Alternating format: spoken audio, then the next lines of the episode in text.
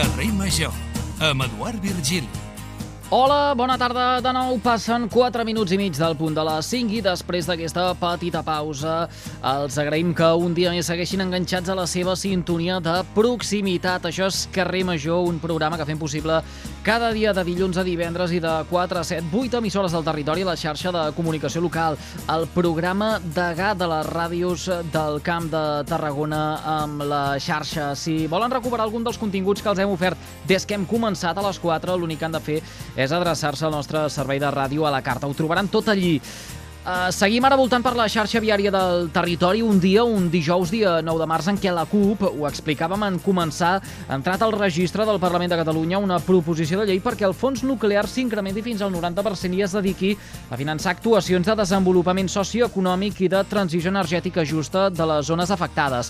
D'aquesta manera, s'augmentaria el pressupost que ara per ara només contempla el 20%, és a dir, es passaria de 24 milions d'euros als 108. I el text també aposta per repartir els diners de manera ponderada, de manera que els municipis més pròxims a les centrals nuclears s'endurien més quantitat de fons. La diputada de la CUP, Laia Estrada, ha insistit en que les accions beneficiàries d'aquest impost siguin aquelles relacionades amb la restauració del medi ambient. És una de les notícies eh, que avui tenim en portada, que també ens afecta en l'àmbit territorial. Més endavant l'ampliarem perquè de moment tenim espai dedicat a Europa, el millor podcast pel jovent, una banda sonora de quilòmetre zero, una excursió poètica fins a Cambrils i moltes altres sorpreses que trobarem mentre recorrem la xarxa viària del Camp de Tarragona.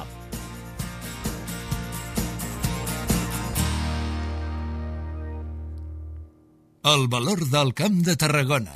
Carrer Major.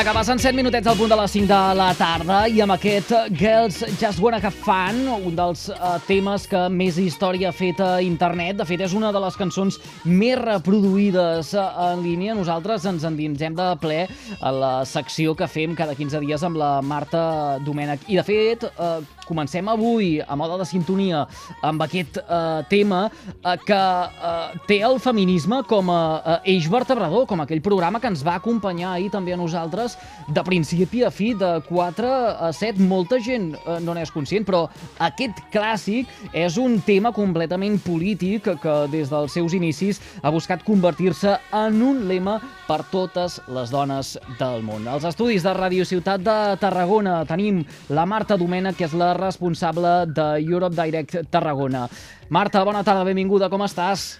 Hola, bona tarda, benvinguts a tots. Doncs molt bé, molt bé. Uh, després d'un aiguat que ha caigut aquí a Tarragona en poca estona, eh, Sí o què? que quasi, quasi que no, que no arribo, però ja estic aquí. Eh, ben, Escolta, però quan ha caigut aquest aiguat? Ara el, el, doncs fa una mitjoreta o així, però així ens, de sobte ha caigut molta Ostres. aigua. Eh, però ja doncs, està, ja està. em- Amb, amb sol, eh? Estava un sol espectacular i caient aigua per totes bandes. No ho sé, doncs si, si hi ha algun oient que ens vol fer arribar o vol compartir amb nosaltres imatges, eh, si us plau, a través de les xarxes socials, eh, Coixinet Carrer Major, així de senzill, per tal que tots ens en puguem fer una idea. Aquest és un programa territorial i de vegades des d'un punt no albirem què és el que passa eh, pel que fa a, clima o meteorologia o d'altres eh, coses molt a prop. Jo ara mateix, eh, des de la finestra dels estudis Altafulla, ben a prop de Tarragona, escolta, veig aquest, aquesta tarda assolellada, sí que fa una mica de vent, però de moment res de pluja. Així que si en algun moment veig que comença a ploure ja, ja en parlarem. Escolta, eh, comencem avui amb aquest, eh, amb aquest tema eh, que, que escoltem ara mateix de, de fons, aquest eh, Girls eh, Just Wanna Have Fun, eh, perquè ahir eh, va ser 8 de març, Dia Internacional de les Dones, eh, no aquí, sinó eh, arreu, de, arreu del món. Eh, com s'ha viscut aquest eh, Dia de les Dones a, a Europa? Eh, perquè penso que hi han pros i contres d'una jornada que hauria de tenir uns objectius molt ben marcats per tothom, però mm, no és així. Doncs bé, nosaltres reivindicar una paraula que, que, que ha desaparegut de, del nom d'aquest dia, eh? que és la paraula internacional, perquè és el que deixa molt clar que, que mm, aquí tenim molts drets, encara ens en falten molts, però és que hi ha moltes zones del planeta en què les dones estan anys llum dels nostres drets. Per tant, creiem que hem de reivindicar eh, que el Dia de les Dones eh, sigui el, el Dia Internacional de les Dones. Evidentment que hem de, de lluitar pels nostres drets, però no ens hem d'oblidar també dels drets que tenen altres dones. I en aquest sentit, la presidenta de la comissió, Ursula von der Leyen, eh, ahir tenia un record molt important per totes aquelles dones que estan vivint en llocs en guerra, especialment Ucraïna i a l'Afganistan, on són en molts casos eh, maltractades i fins i tot eh, utilitzades com a objecte sexual, violades. Per tant, eh,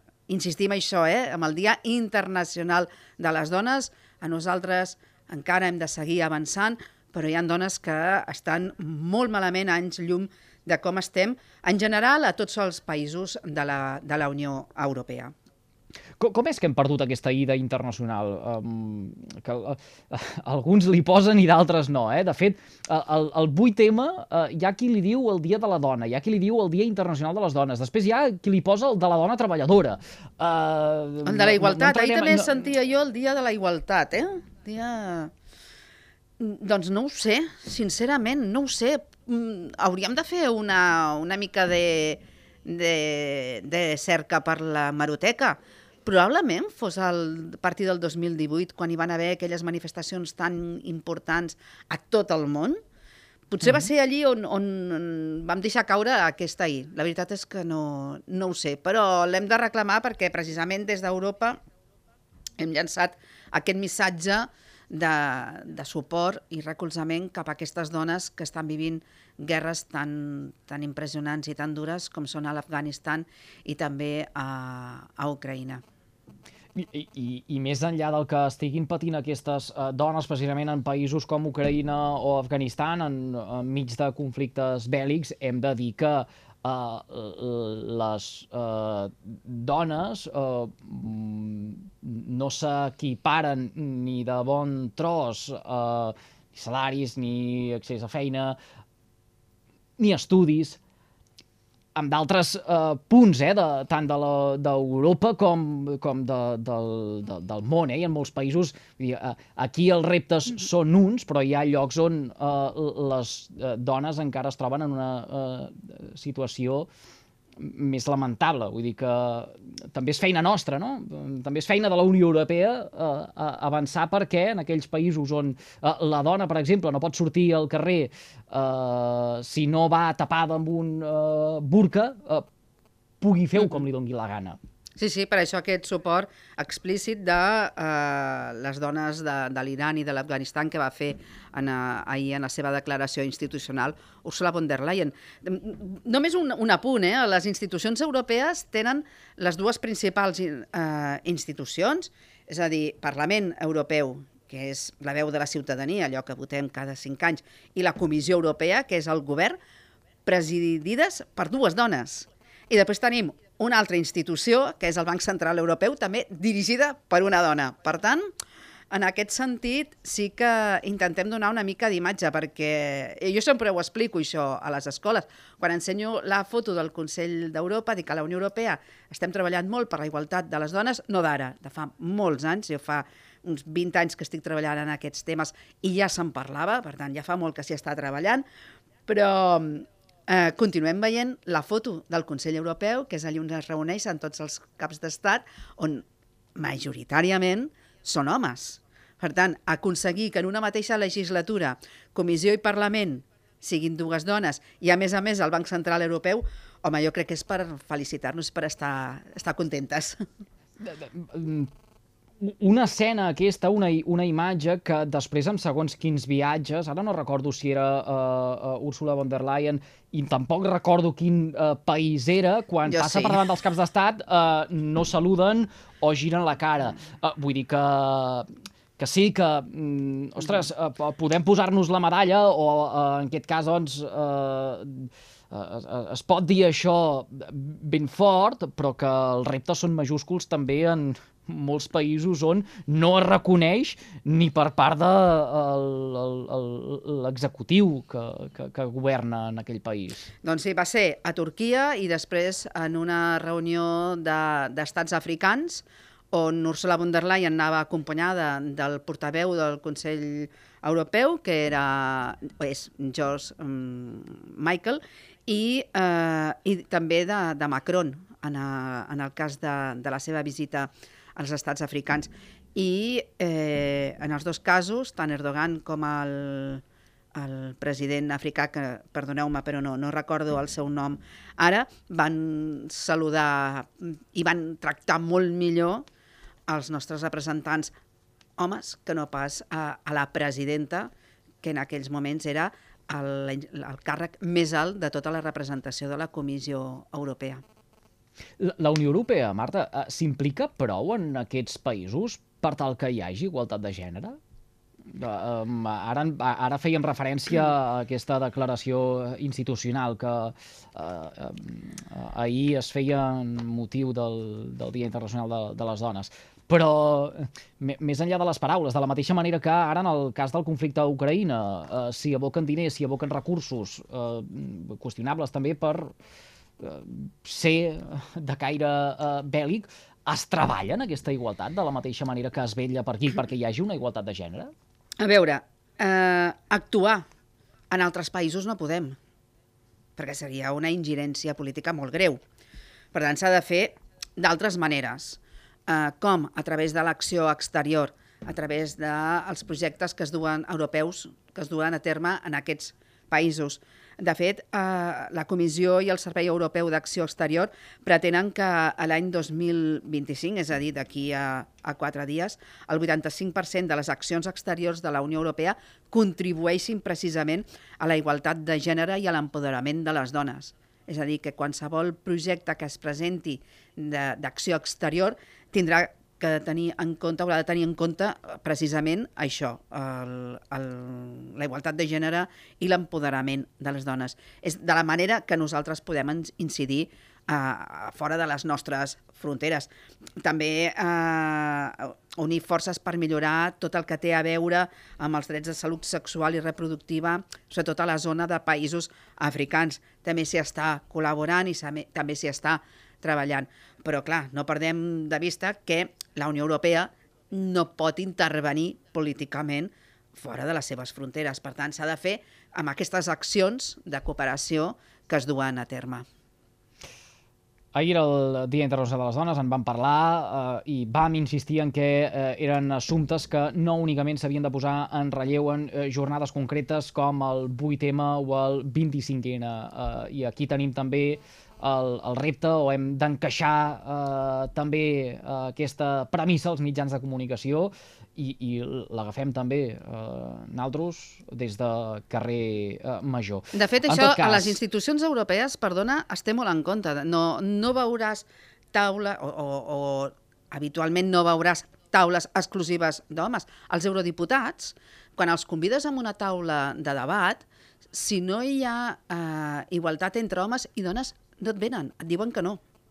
Per tant, sé que s'estan fent esforços. A vegades és impossible, perquè tens els caps o els especialistes, els tècnics d'una matèria que a la millor no tens cap dona, però sí que eh, et demanen que hi hagi un equilibri i és difícil veure segons quines activitats eh, que estan promogudes des d'institucions europees on no hi hagi un equilibri home-dona. De fet, en algunes fins i tot hi ha més dones habitualment que homes. I en els càrrecs directius hi ha moltes dones a les institucions europees. Ostres, sor sorprèn, eh? Almenys si agafem com a exemple el que passa a casa nostra, eh? On en un acte públic o en uh, política eh, guanyen i de, i de lluny el, el, els homes que puguin representar o eh, participar en aquella activitat.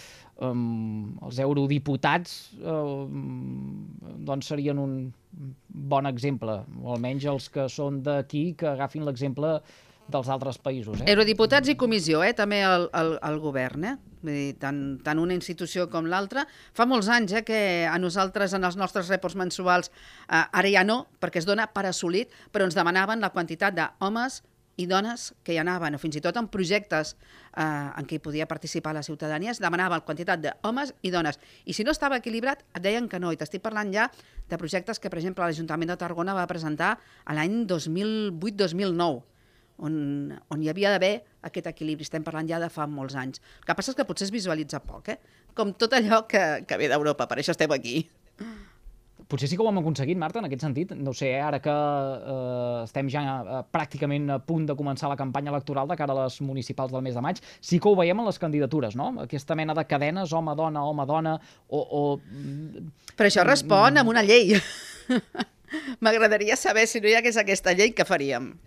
De fet, ha sortit aquests dies la notícia de que en els consells d'administració hi ha d'haver paritat.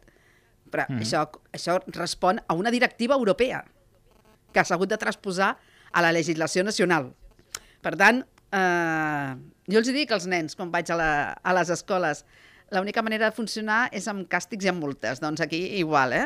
Dir, és veritat que sí? tenim... Les... Venen, venen d'Europa també, eh, en aquest sentit, càstigs i multes per no respectar, doncs... Eh, sí, si també, la, sí, sí, la també, sí? també, també, també vindrien, també vindrien i tant. Sí, sí, sí, sí.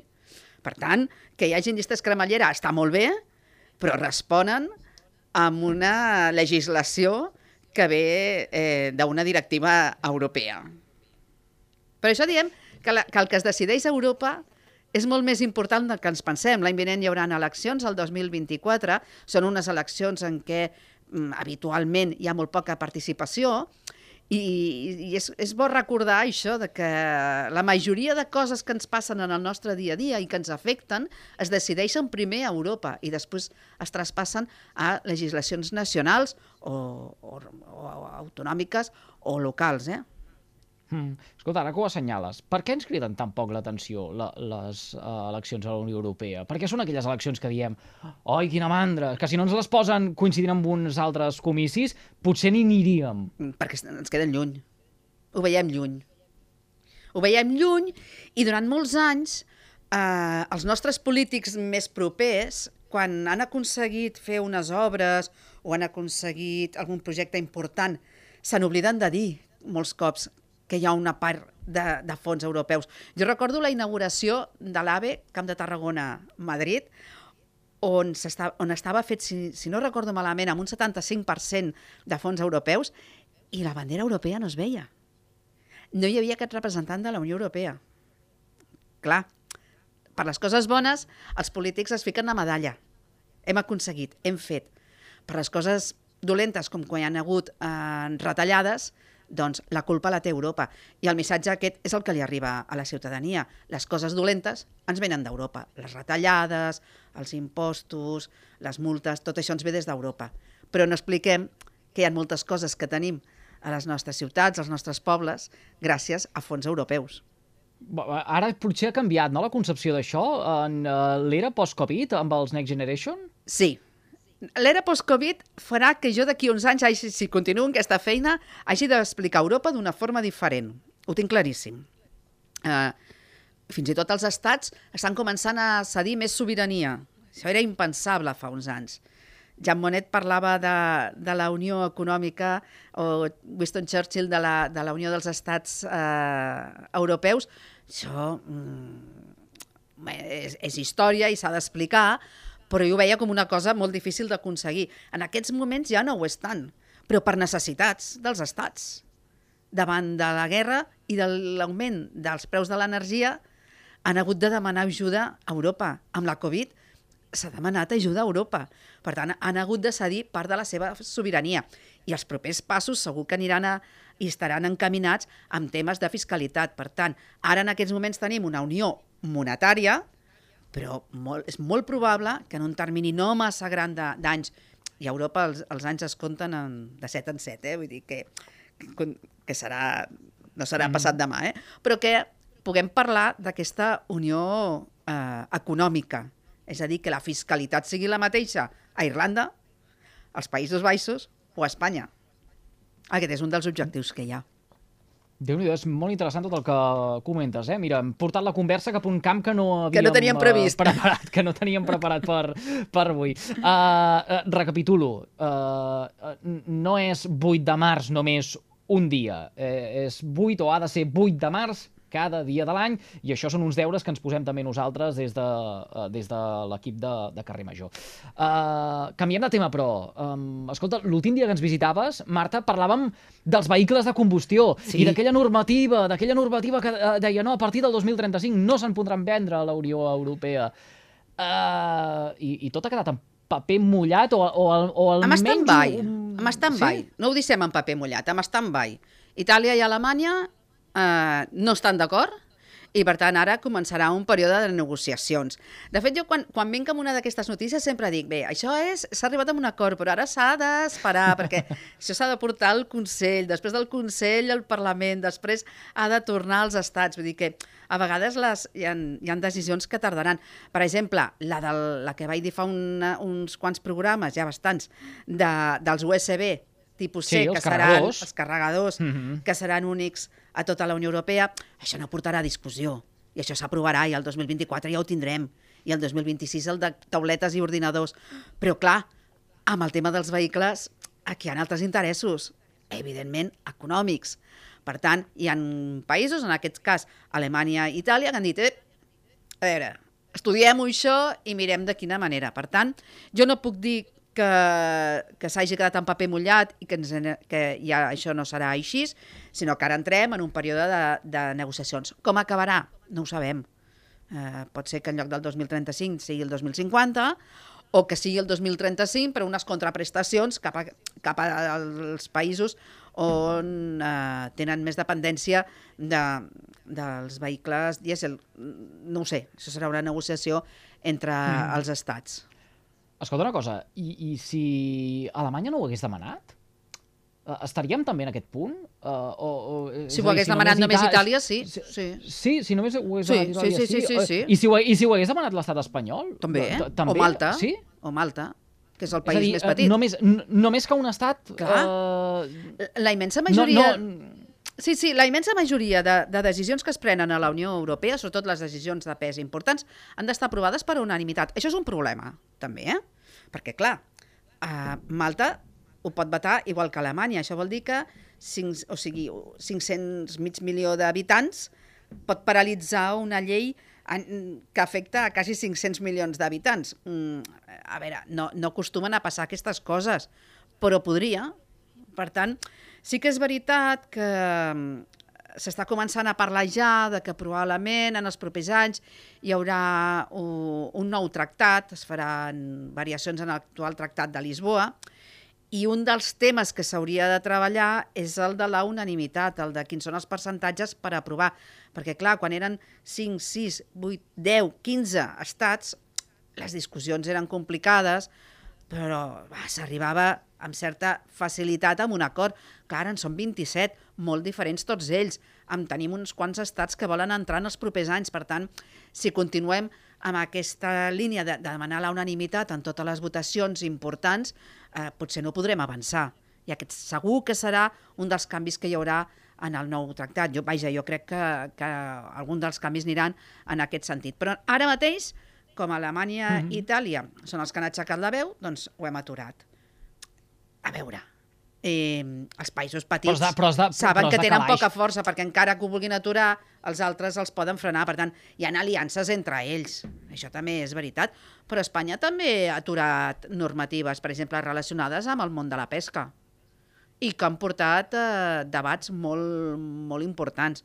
Vull dir que sí, sí, qualsevol estat mm, té veu i paraula. No perquè Alemanya tingui quasi 90 milions d'habitants té més importància que qualsevol altre país. Tots són iguals. És el lema de, de la Unió Europea units en la diversitat. Som diferents de grandària, d'idioma, de religió, de cultura, sí, sí, però, però tots però som depèn iguals. De, però depèn de quin estat eh, aixequi la veu, n'hi ha d'altres que s'hi sumen, eh?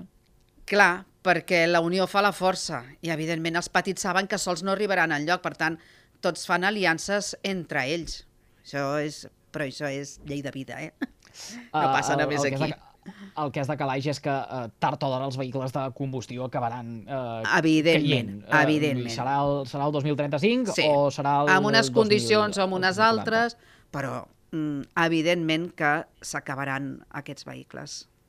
Uh, ja que hem sortit a la carretera, uh, parlem de seguretat viària perquè uh, s'actualitzaran els requisits pels permisos de conduir i poder-se millorar així l'aplicació de les normes de trànsit a la Unió Europea?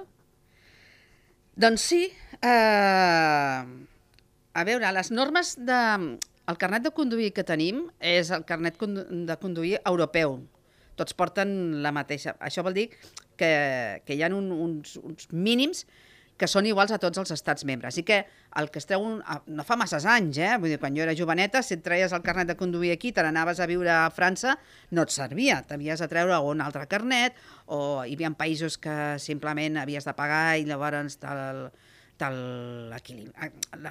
l'equivalència, l'homologaven amb el seu, vull dir que...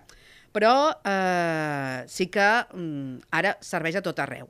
Però jo sempre explico que les normes de circulació no, no estan iguals a tot arreu. De fet, tenim uns límits de, de, de velocitat a les vies ràpides a Espanya que no són les mateixes que a Alemanya. D'acord?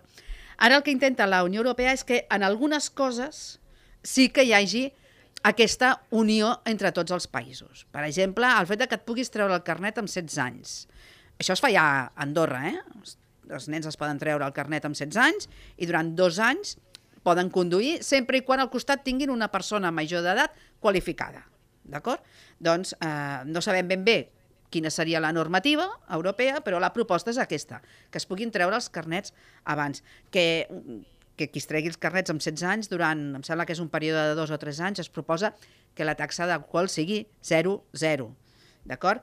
Després eh, hi ha altres, altres temes relacionats amb els aparcaments perillosos, els avançaments perillosos, el circular en sentit mm, contrari, que si bé estan penats en tots els països, quan, tots d'una forma diferent. El que s'intentarà és unificar aquestes normatives perquè sigui igual de, de, de, de, de penat, la multa sigui Sí. la mateixa. Home, i que, i que les que multes tot arribin, arreu. que, molta, que, que, que no, vaja, no ho sé, jo no mm, he conduït eh, fora de l'Estat. eh, Arriben, per arriben, sort, eh? Di, per sort diria que no han posat mai cap multa, però sí, arriben. Arriben, doncs, eh, arriben. Així doncs és, és llegenda urbana? És allò que llegenda te- urbana. Sí? Evidentment se'n poden perdre, també se'n perden aquí de multes, però arriben a través de base.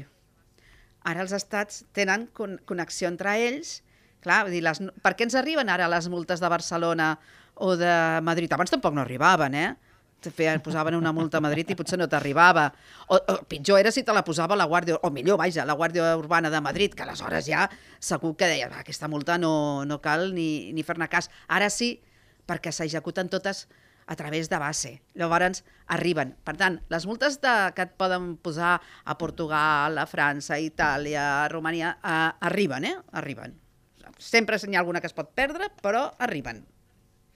déu nhi Escolta, i, i, i es, es preveu, eh, no ho sé, que circular sigui eh, més senzill en ciutats com eh, Ginebra? Eh, recordo una vegada que, escolta, quin, quin desastre, tot eren mm, carrils pintats de, de colors, pitjor que a Barcelona, ara que també eh, estan fent un munt de ratlles pel paviment. Ginebra. És que Ginebra no està a la Unió Europea. Ai. I no el podem posar d'exemple. uh, el tema aquest de les ratlles de colors, que està molt criticat a Barcelona, te'l trobes a tot arreu. O sigui, cada vegada n'hi ha més. El que potser sí que haurem d'establir que tot arreu tinguin els mateixos colors i les mateixes formes per tal de que sigui molt més fàcil la conducció. Això sí que m'imagino, eh? que s'haurà de fer. Però aquests, aquests carrils de colors i aquests carrils que només són per facilitar la vida a la ciutadania i que, i que com has dit, estan molt criticats, doncs ens els trobem ja a totes les grans ciutats europees. No sé si t'ha fet molta gràcia, I generen, I generen, i generen vaja, eh, allò de... Jo quan sé, condueixo sí. per algun lloc que no conec, escolta, jo paro la ràdio perquè em, em, Sí. em poso nerviós. Clar, Eh, per, per això crec que sí que s'ha de... No, no, no, no tinc clar eh, que estigui dins d'aquesta directiva que es vol fer, vull dir, no, no ho sé segur, però sí que potser s'haurien d'homologar que totes les senyals siguin igual, igual que un se diu al pas a tot arreu és igual, o un stop és a tot arreu igual, o que el verd vol dir avançar i el vermell atureu-vos. Doncs suposo que també aquest tipus d'informació haurà de ser igual a tot arreu.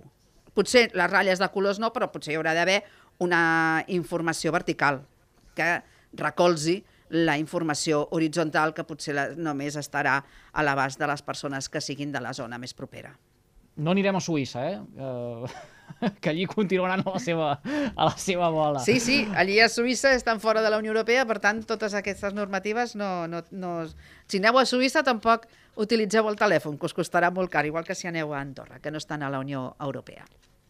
Marta, se'ns ha fet tardíssim, ho haurem de deixar. Teníem coses eh, que haurem de guardar, que ens queden al tinter, però serà per d'aquí 15 dies. Tornarem a veure'ns amb més notícies. Gràcies per compartir una tarda més amb tots nosaltres. Una abraçada, que vagi bé. Gràcies, fins la propera la Marta Domènech, que, que és la eh, responsable de Europe Direct Tarragona. Passen 5 minuts del punt de dos quarts de 6 de la tarda, arriba el moment del podcast, arriba com cada dijous el moment de parlar de joventut.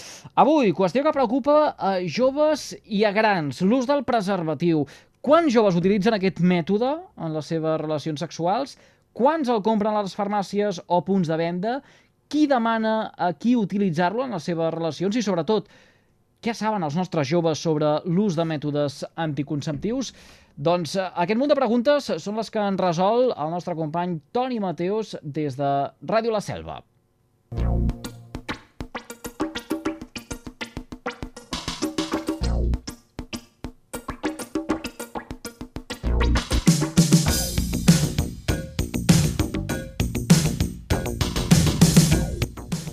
Creixen els dubtes entre els joves sobre els beneficis de l'ús del preservatiu.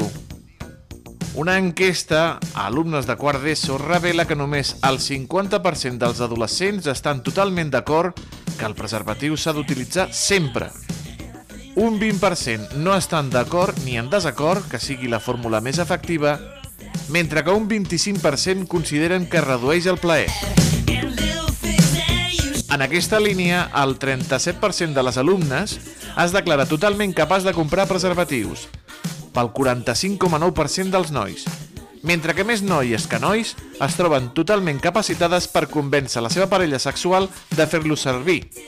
Elles en un 67,9%, pel 52,5% d'ells, o de rebutjar mantenir una relació sense preservatiu, 59% d'elles pel 36% d'ells. Aquestes dues últimes dades són les més altes entre elles que entre ells, perquè elles es troben més vegades en situacions en què es veuen obligades a fer-ho.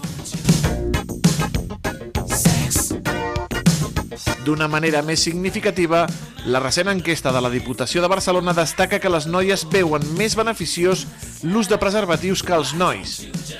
Està creixent entre els joves l'escepticisme sobre el benefici de l'ús del preservatiu, una preocupant tendència sobre la qual els experts fa temps que alerten.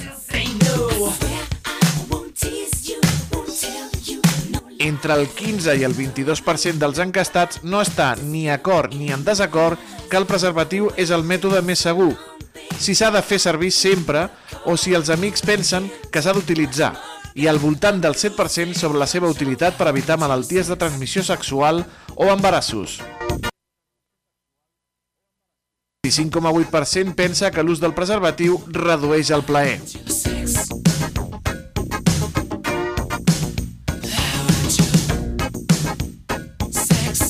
Gairebé el 30% dels joves infravaloren el risc de sexe sense protecció. Hi ha també una gran diferència entre sexes quan els percentatges de si s'ha consumit pornografia alguna vegada. El 78% dels nois de quart d'ESO assegura haver consumit pornografia, pel 41% de les noies. Els que responen no haver consumit mai pornografia són un 21% dels nois i un 58% de les noies.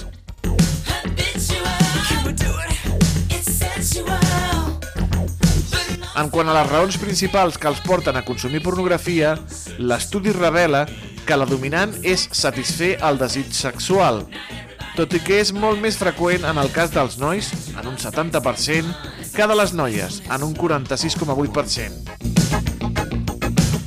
Gairebé un 40% de les alumnes declara que ho fa per curiositat.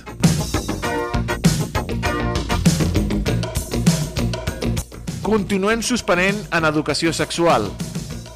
Els estudiants valoren l'educació sexual rebuda en els centres d'estudis amb una mitjana d'un 4,4.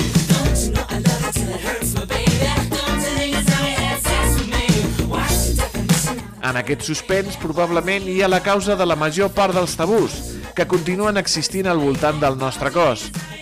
A la diversitat sexual, la diversitat de gènere, al voltant de les violències i, en definitiva, entorn dels drets sexuals i reproductius que tenim reconeguts totes les persones.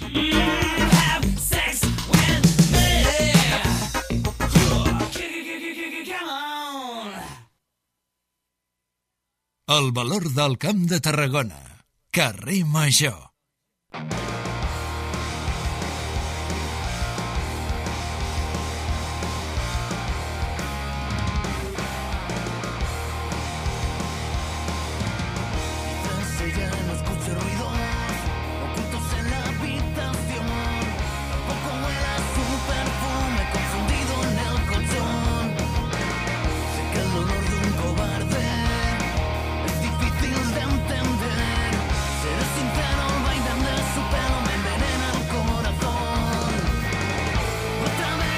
Cinc minutets i ens plantem al punt de tres quarts de sis de la tarda. El nostre company David Fernández de la nova ràdio de Reus cada dia ens proposa una banda sonora de quilòmetre zero, és a dir, alguna formació del nostre territori que destaca per novetats discogràfiques, efemèrides eh, musicals...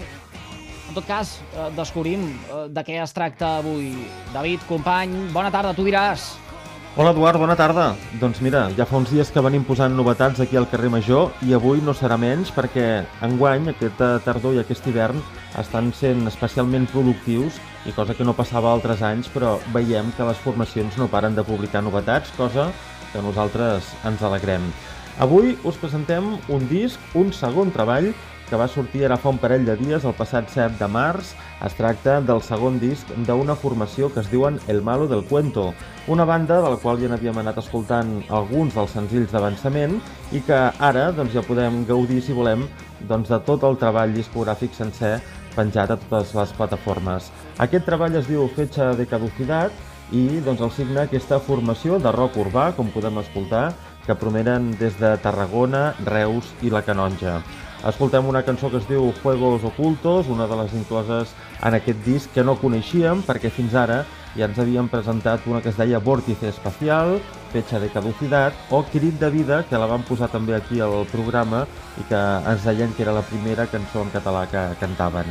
Uh, aquesta banda, el 2017, van treure el seu primer disc, que és de Conexión al Mundo, i ara hem hagut d'esperar uns quants anyets per tal de gaudir del seu segon llarga durada. Avui, doncs, El Malo del Cuento, de moment no anuncien bolos, quan en tinguin de presentació del treball, doncs ja els ho explicarem aquí al carrer Major. Fins demà.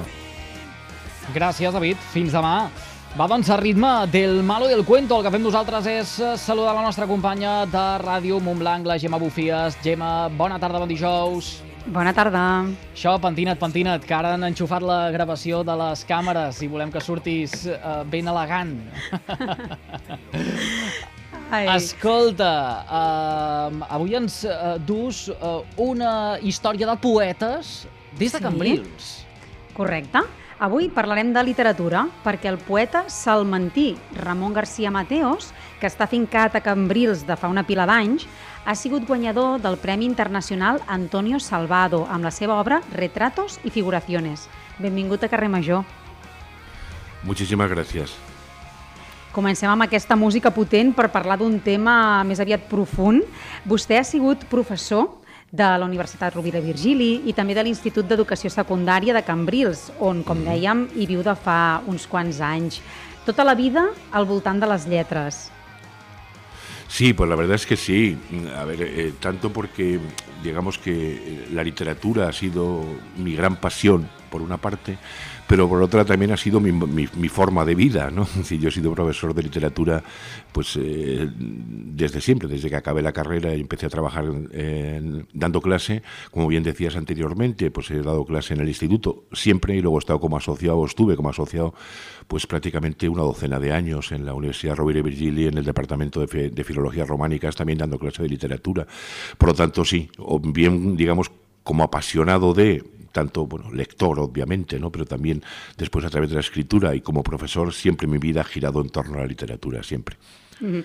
També he volgut posar la punt no, en què vostè és fill de Salamanca, però que uh -huh. porta molts anys ja doncs, aquí, a aquestes terres.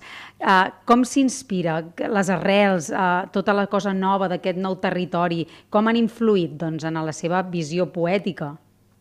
Sí, claro. A ver, uno eh, escribe a partir de, lo que vive, de lo que siente, ¿no? Eh, bueno, de lo que vive, además en un sentido muy amplio, porque no solamente la experiencia vital personal, biográfica, diríamos, ¿no? Sino también la experiencia, digamos, vital literaria vivir también se vive a través de la literatura, a través de las lecturas, a través de los, del conocimiento de, de otros autores y de otros lugares y de otras experiencias. ¿no? Pero la experiencia vital, claro, es, es, es, evidente. ¿no? Sí, yo llevo muchísimo tiempo aquí, yo me siento bueno, pues, eh, muy, muy, muy vinculado a esta, esta tierra. Mm, tengo también una relación muy eh, cercana y muy próxima con, con, la literatura catalana. Algunos de sus autores los he traducido también al, al castellano. Y es evidente, bueno, que, que, vivimos en una tierra de mestizaje y donde esa relación eh, yo creo que de, debiera ser siempre fructífera. De què va Retratos i Figuraciones, aquest nou últim llibre de poesia, doncs, que jo crec que sortirà el juliol? Uh -huh.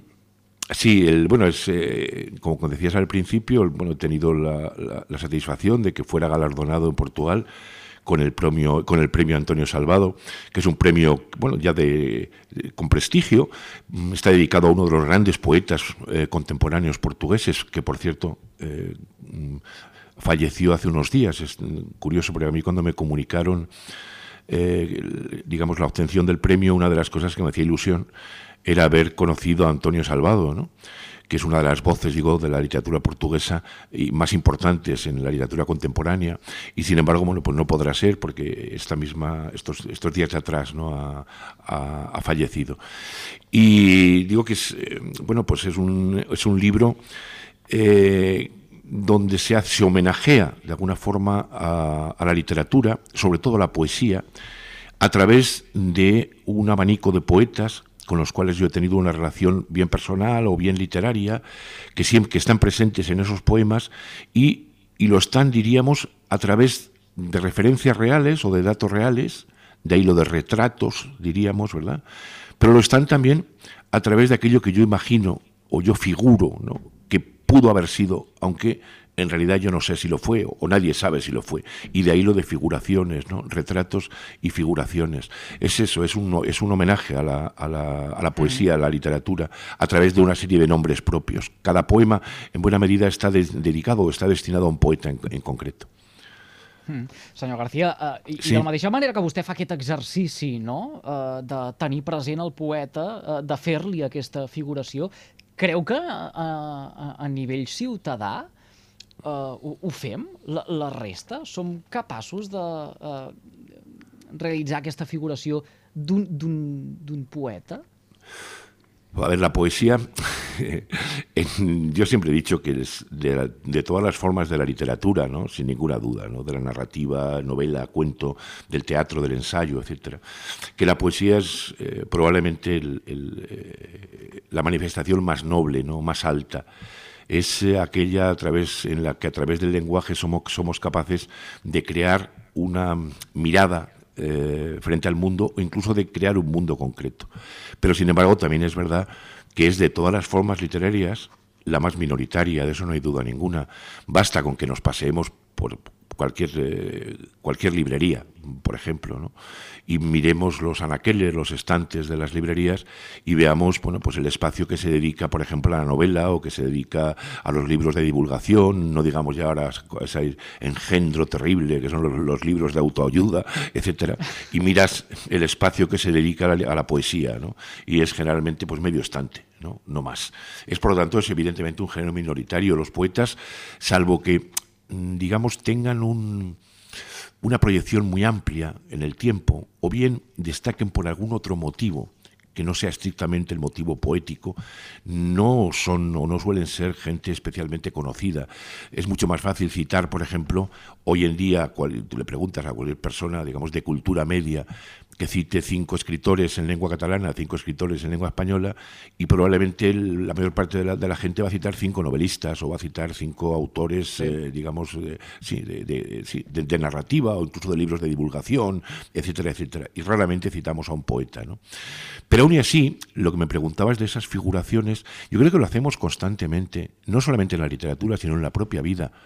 Nosotros miramos a la gente o a alguien que acabamos de conocer o vemos a alguien en, la barra de un bar o en la calle y vemos lo que vemos, evidentemente, la figura, lo que sabemos de esa persona, pero luego además imaginamos o figuramos mucho más allá de eso, ¿no?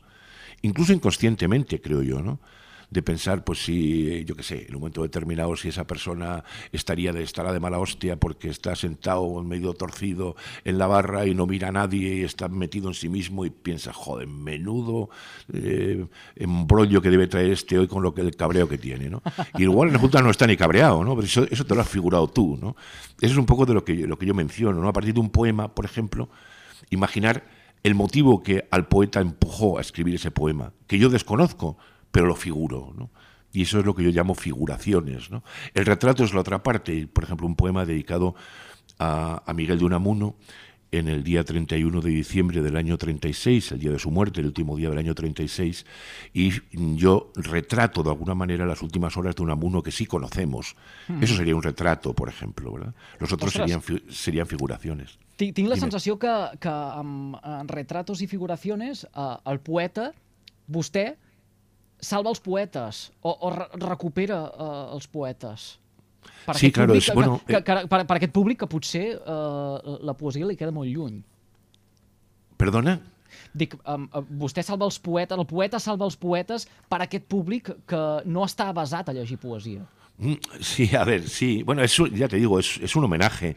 Eh, ahí, pues yo que sé, ahí el, el año pasado, no, hace dos años ya, murió, por ejemplo, un, extraordinario, extraordinario poeta en lengua catalana, Josep Igual, eh, que vivía, era, aunque él era eh, de, de Benicarló, él vivía en, Amposta, murió muy joven, tenía cincuenta y, y, poquitos años, ¿verdad?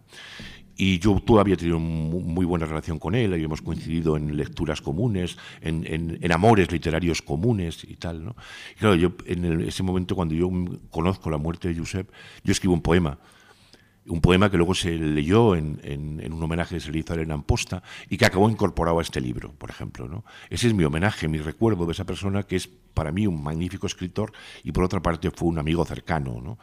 Hay otros casos en los cuales esa cercanía solamente lo es a través de la literatura, poetas medievales, incluso poetas latinos. El libro se abre, por ejemplo, con un poema dedicado eh, a Marcial, al, poeta eh, latino, hispano por otra parte, porque era eh, natural de Calatayud, de la Bilbilis, que decían los, los romanos, ¿verdad?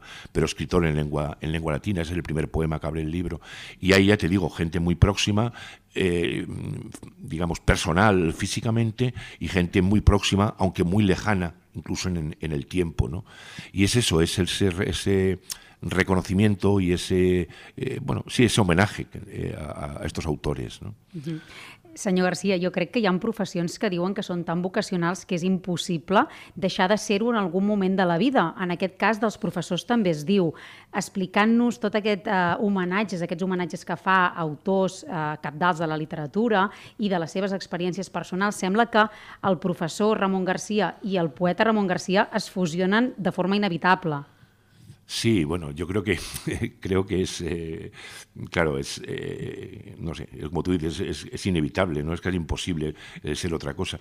¿Por qué? Bueno, pues porque como te decía antes, yo he tenido yo creo que la suerte, no sé, a lo mejor no, a lo mejor no suerte, pero bueno, yo creo que he tenido la suerte de mm, compartir y compaginar en, mi vida, eh, digamos, el, el, ámbito laboral, el ámbito del trabajo y el ámbito de la pasión. mi pasión por la literatura, eh, por la poesía, eh, por la música y la canción, en buena medida también. Y bueno, pues ha sido mi forma de vivir. Eh, intentar contagiar eso también a, mis alumnos, intentar que los alumnos tuviesen otra mirada distinta sobre, sobre la literatura, que entendieran que abrir un libro era abrir una ventana donde eh, bueno, se o donde te encontrabas con un paisaje a veces absolutamente insospechado e incluso eh, sorprendente, que mm, leer y, conocer a autores y eh, te hacía crecer como persona y te hacía ser mm, también, digamos, más crítico frente al mundo, etcétera, etcétera. ¿no?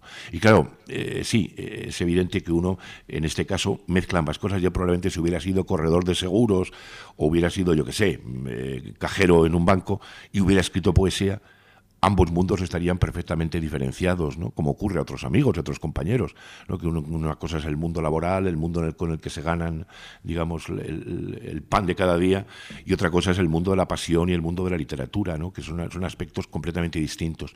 En mi caso no, en mi caso se funden ambos, eh, yo creo que sí de una manera inevitable, como tú decías antes. No sé si vostè ha tingut mai aquell pànic al full en blanc, perquè després de quasi 40 anys dedicant-se a l'escriptura, arriba un moment que les paraules mm, són limitades, però en canvi quan algú connecta amb aquesta creativitat, doncs sembla que no, que, que es va reinventant i que pel que hem llegit a vostè li segueix apassionant igual tot el tema del folclor. Sí, sí, sí, sí. A ver, eh, yo creo que hay eh, formas distintas de escritura. ¿no? Yo he escrito eh, sobre todo poesía, tengo tres libros de relatos también, tengo también una, una novelita. Pero los escritos son fundamentalmente poesía, ¿no? Y la manera de escribir poesía es distinta a la forma de escribir narrativa.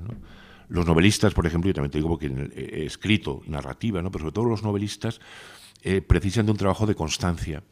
Ellos crean un mundo, un mundo literario, perdón, donde te sumerges y tienes que vivir en ese mundo. Si la escritura de una novela se proyecta durante ocho meses, durante un año, durante dos años, etcétera, tú esos dos años vives metido en ese mundo, mm, sientes con los personajes, piensas con los personajes, eh, convives con ellos y estás dándole vueltas a ver qué va a pasar o qué van a hacer, no sé qué. Y eso precisa la continuidad de la escritura, ¿no? Ahí sí se puede dar eso que tú decías, el pánico a la hoja en blanco. Es decir, que un buen día alguien se siente ante el ordenador hoy en día o ante un, una hoja, un folio con la pluma en la mano y se esté tres horas y fume un cigarro detrás de otro si es que fuma, o se tome una copa o dos o tres si es que bebes en cuando o simplemente muerdas una manzana y no salgan do, dos palabras seguidas. ¿no? Y, y, pero, y es la experiencia de algunos amigos, en ese sentido, te fuerzas a estar ahí, porque sabes que es un trabajo que tienes que mantener continuo. Que no puedes decir, dejo de escribir hoy la novela y ya me incorporo otra vez al cabo de tres meses, porque claro, ya no te acuerdas o has perdido el hilo de muchos de, los, de las historias y los personajes. La poesía y, y, el cuento, perdón, la poesía y el cuento funcionan de otra manera. Un, un funcionan momentet, más... un momentet, senyor García, és que hem d'anar sí. a, publici hem a publicitat. Ah, sí. es, pot, es pot quedar una estoneta més amb nosaltres? Sí, sí, perfectamente. Doncs va, fem una petita pausa, aquella que si no ens posem d'acord les 8 emissores acaba com un desgavell i de seguida tornem. Vostès no canvin de dial. Fins ara.